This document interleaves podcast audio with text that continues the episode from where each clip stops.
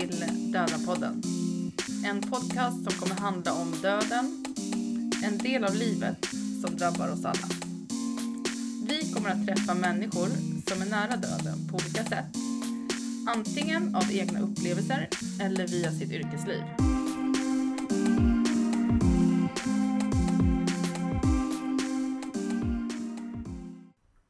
Ja, Rosa, nu sitter vi här igen. Ja, en solig septemberdag.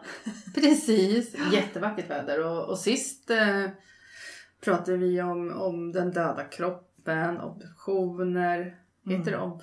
Obduktioner, ja. Tack. Men snart kommer Marie Rickardsson och knackar på. Ja. Hennes son Hampus som dog 2012. Usch, stackars mamma Marie. Mm. Vi ska i alla fall träffa Marie och få höra hennes historia. Om hur det var att få samtalet som ingen förälder någonsin vill ha. Mm. Förbereder på tårar. Ja, exakt. Mhm.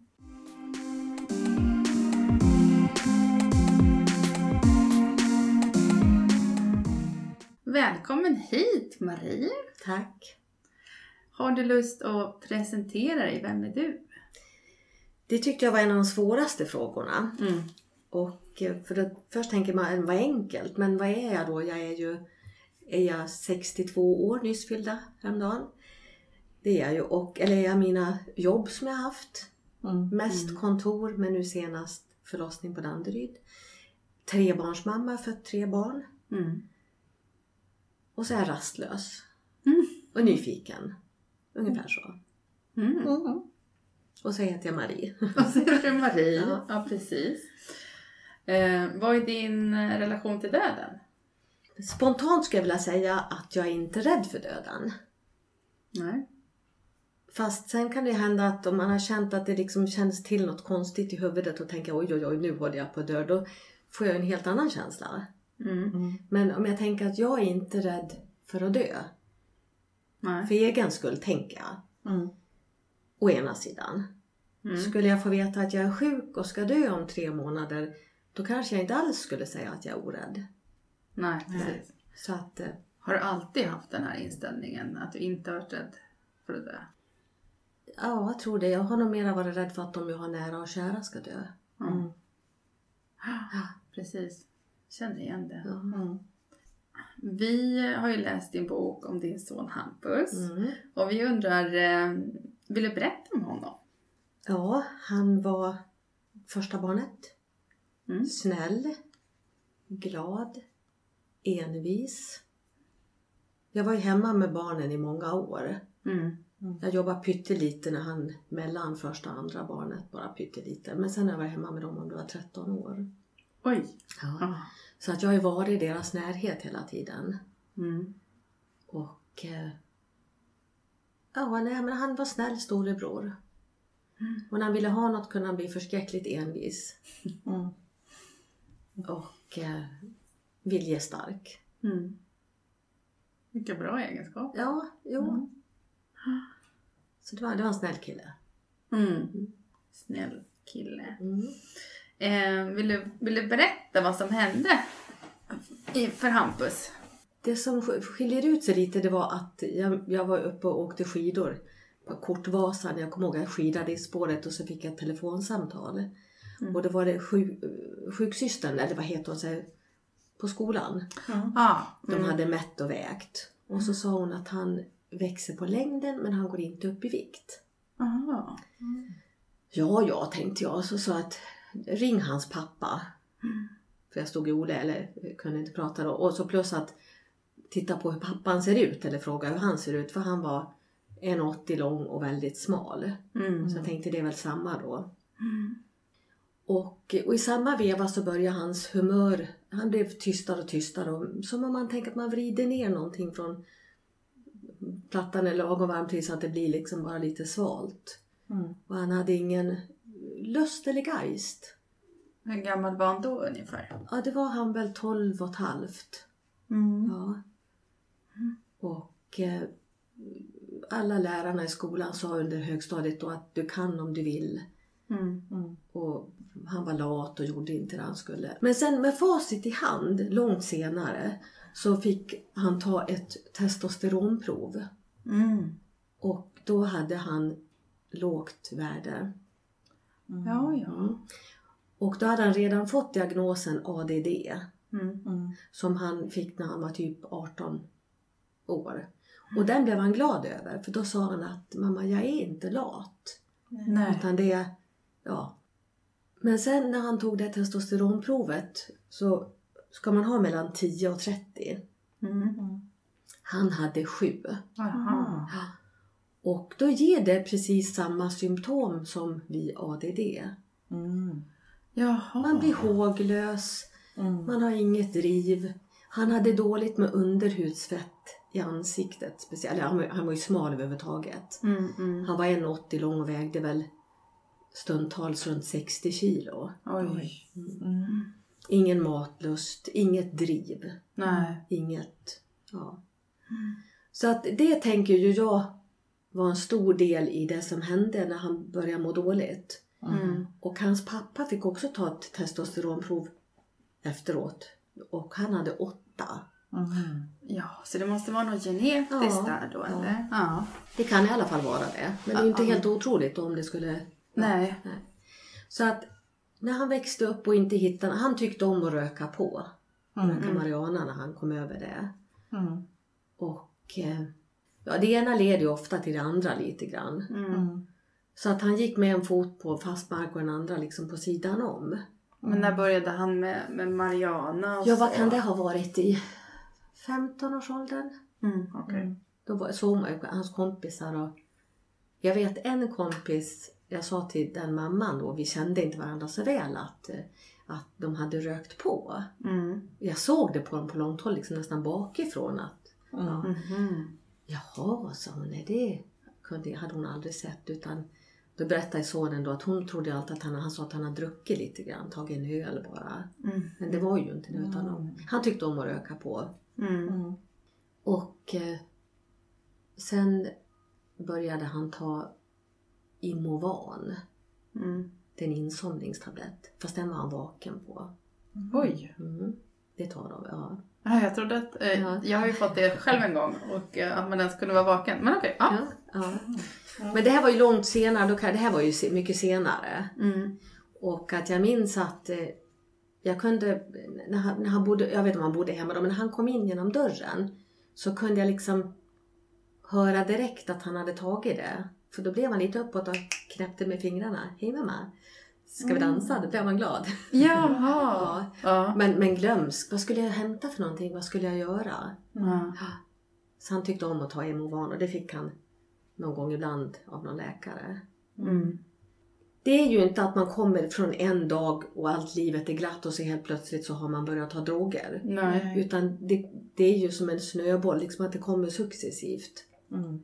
Jag Men- tänker också, ja förlåt. Nej, förlåt. Jag bara tänkte så, så, som förälder. Mm. Men, men du tyckte det var lätt att se det? För jag tänkte... Om, ja, jag har ingen erfarenhet så jag kanske bara är helt i blindo nu. Alltså det var lätt, och, lätt att, att förstå att okej, nu, nu är det här som är inne i min sons liv. Men han var också ganska öppen med att berätta. Jaha. Ja. Mm. En gång sa jag till honom rent allmänt att du behöver faktiskt inte berätta allt för mig. Då tittade han på mig och log och så sa han mamma att det gör jag inte.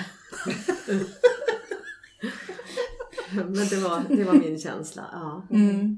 Och att det var ju inte så att han oftast tog någonting och kom hem. Nej. Nej. Utan det var mer när han hade flyttat hemifrån eller, eller han bodde ju mellan mig och pappan. Jag ska inte säga att han, det var, Mm. han bodde mellan mig och pappan. Och, eh, ja, det, till slut blev det ju ohållbart. Att han tog mer och mer. Och, eh, det var, han, han drack inte så ofta. Nej. Nej, utan han tyckte om att röka på. Problemet, om man nu ska säga så här, att, problemet är om du röker på, då sitter det kvar i kroppen längre. Okej. Så att om du då ska gå och lämna ett prov, Mm. dit han kom så småningom, att, ja, att han skulle lämna ett prov. Mm. Mm. Då är det dumt att röka på för då sitter det kvar. Då är det bättre att ta någon annan sak Mm. som snabbt går ur kroppen. Jaha. Så det blir, Mm. ja, Mm. pest eller kolera. Jag tyckte då, jag vet att man inte får säga så här helt, men att jag tycker att, att röka på, Mm. det var det minsta bekymret av Mm. alla saker. Mm. Av både alkohol, benzo tycker jag var absolut värsta när han tog. Det har jag sett honom ta liksom några gånger. Mm. Det det här det, nej. Imovan det, det, det är ju insomningstablett. Ja. Okej. Och benzo, benzodiazepiner, det fick han aldrig på recept utan det köpte han av någon. Och då blev det som en annan person. Mm. Jag kunde titta på honom och se att det här är min son Mm. som jag älskar över allt annat på jorden. Men den här människan, det här är som en alien i honom. Mm. Mhm. Att det var, det var inte han som var där då. Nej. Oj. Men när... eh, Alltså, för han, för han började då röka på lite i, i slutet av högstadiet och sådär. Blev det då värre under gymnasiet eller var det mer när han blev äldre? Eller Ja, vi, var- du? vi var ju i högstadiet, vi sökte ju hjälp hos Vallentuna kommun. Mm. Och eh, vi var på ungdomsmottagningen först. Och där var de väl ändå bra. Mm. Men sen den dagen han fyllde 18, då har man ju ingen inblick. Ja, ja, just det. Utan då, då flyttades han över till vuxenenheten man fick söka där. Mm. Mm. Det, det blir något helt annat. Då kan de inget göra eller inget säga eller Nej.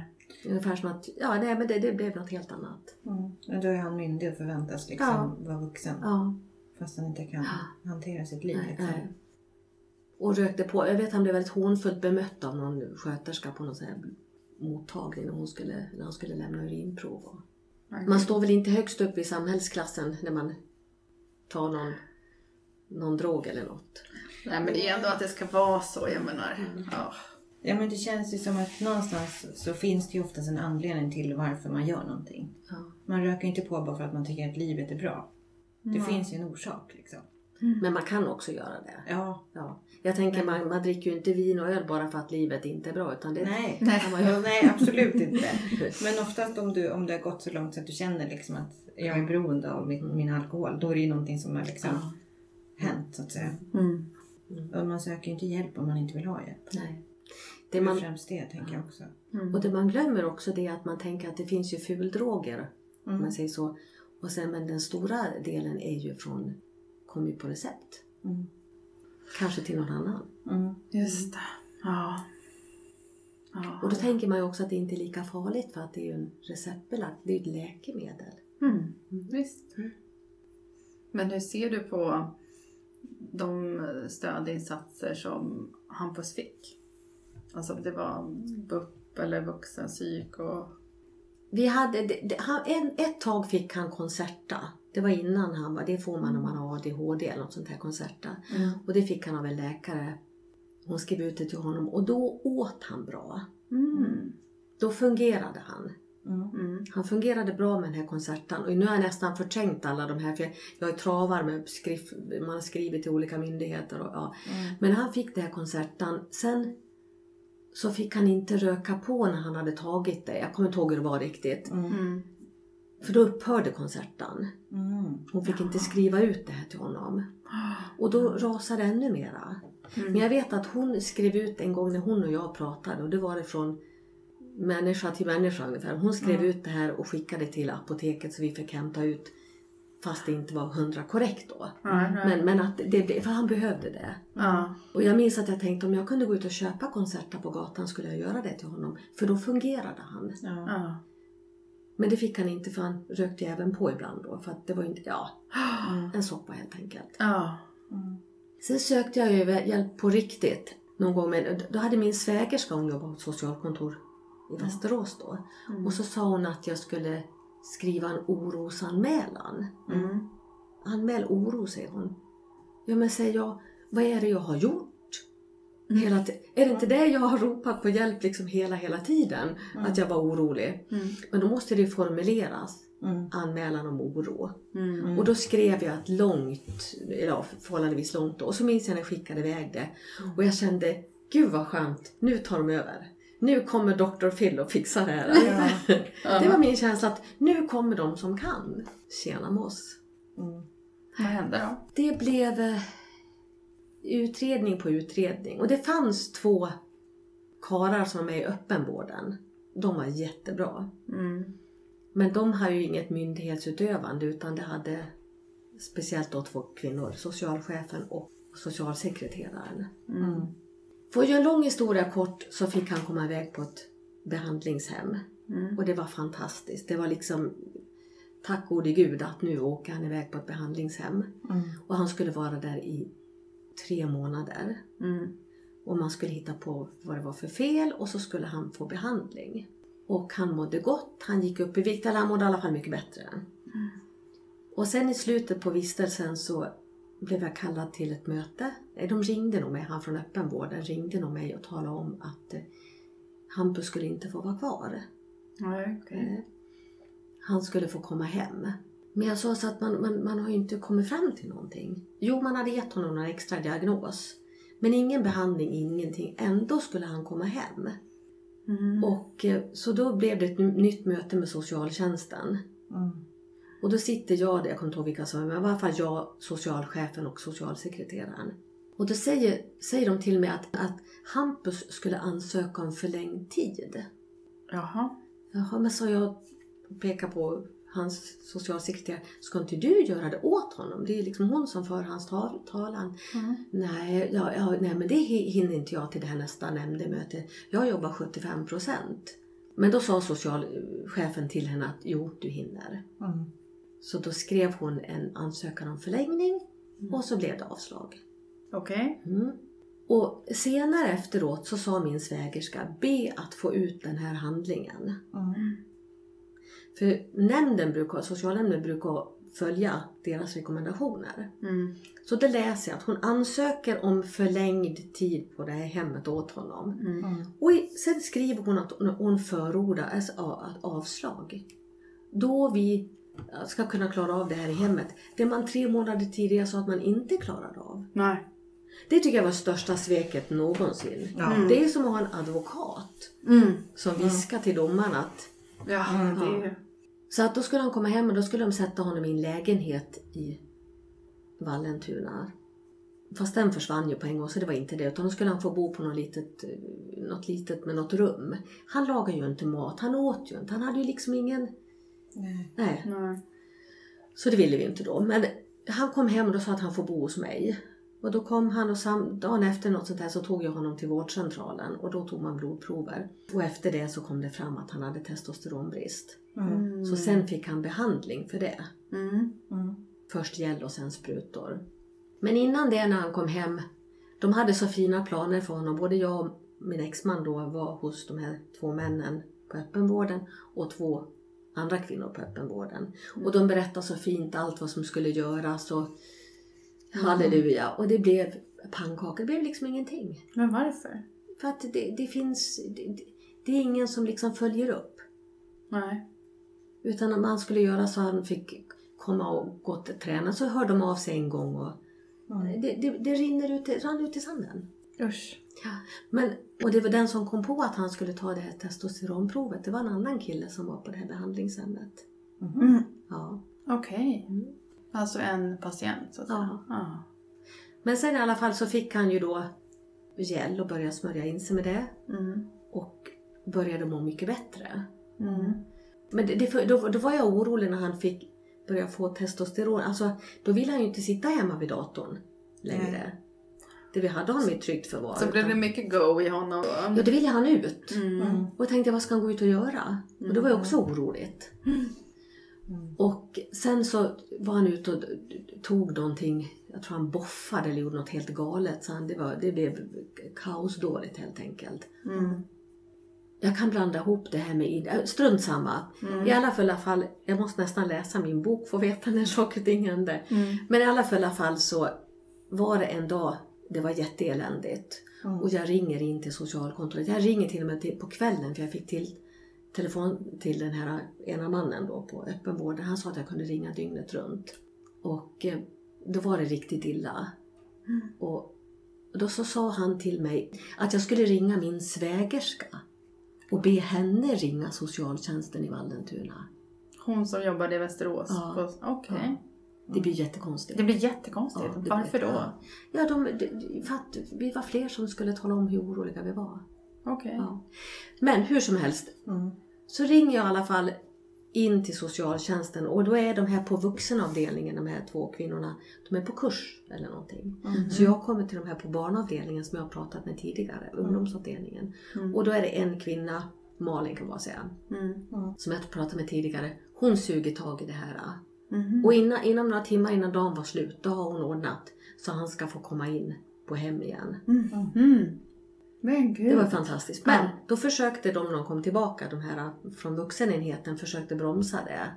Utan att lyckas. Mm. Men varför var de så motsträviga? En kvinna som finns med i den här boken jobbar som socialsekreterare sedan 30 år tillbaka. Och hon säger budget i balans. Ja, Mm. det är det det handlar om. Ja. Inte Men han- människa i balans. Nej, det är budget i balans. Ja, ja.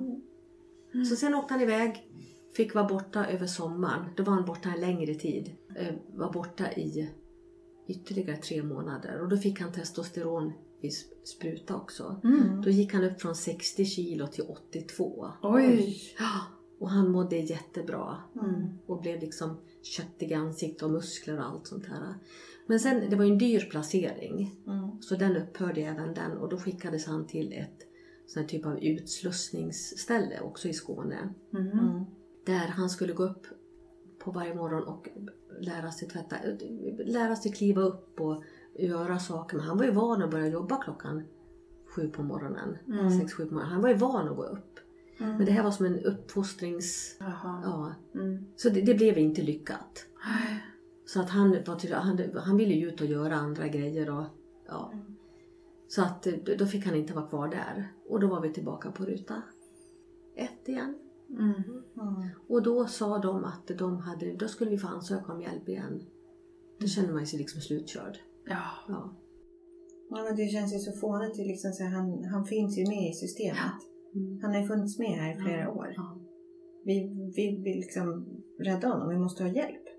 Och så bara budget i balans liksom. Ja. Fan skit i den där jävla budgeten. Usch. ja. Men det beror på vilken kommun det är har jag förstått. Ja, det är säkert. Mm. Väldig skillnad. Ja. Men sen i alla fall så kom han ut, han började jobba, hans pappa köpte en lägenhet till honom i Åkersberga. Mm. Och så jobbade han där och eh, han ville ju ha hjälp men det fanns ju liksom ingen att få. Alltså vi, vi visste inte vad vi skulle göra.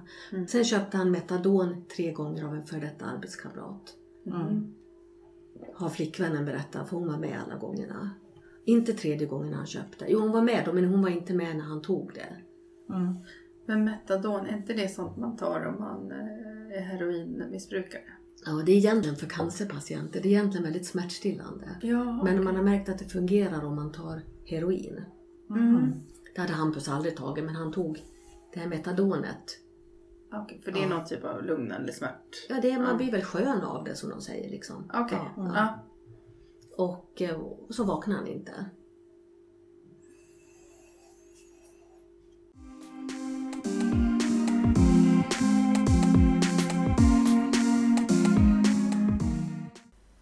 Okej.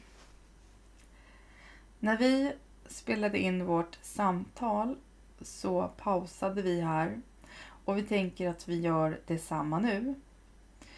I nästa del kommer ni få höra fortsättningen om Hampus och med Marie. Vi kommer prata om hur det var att få dödsbeskedet för Marie och att ta avsked. Och vad som hände sen.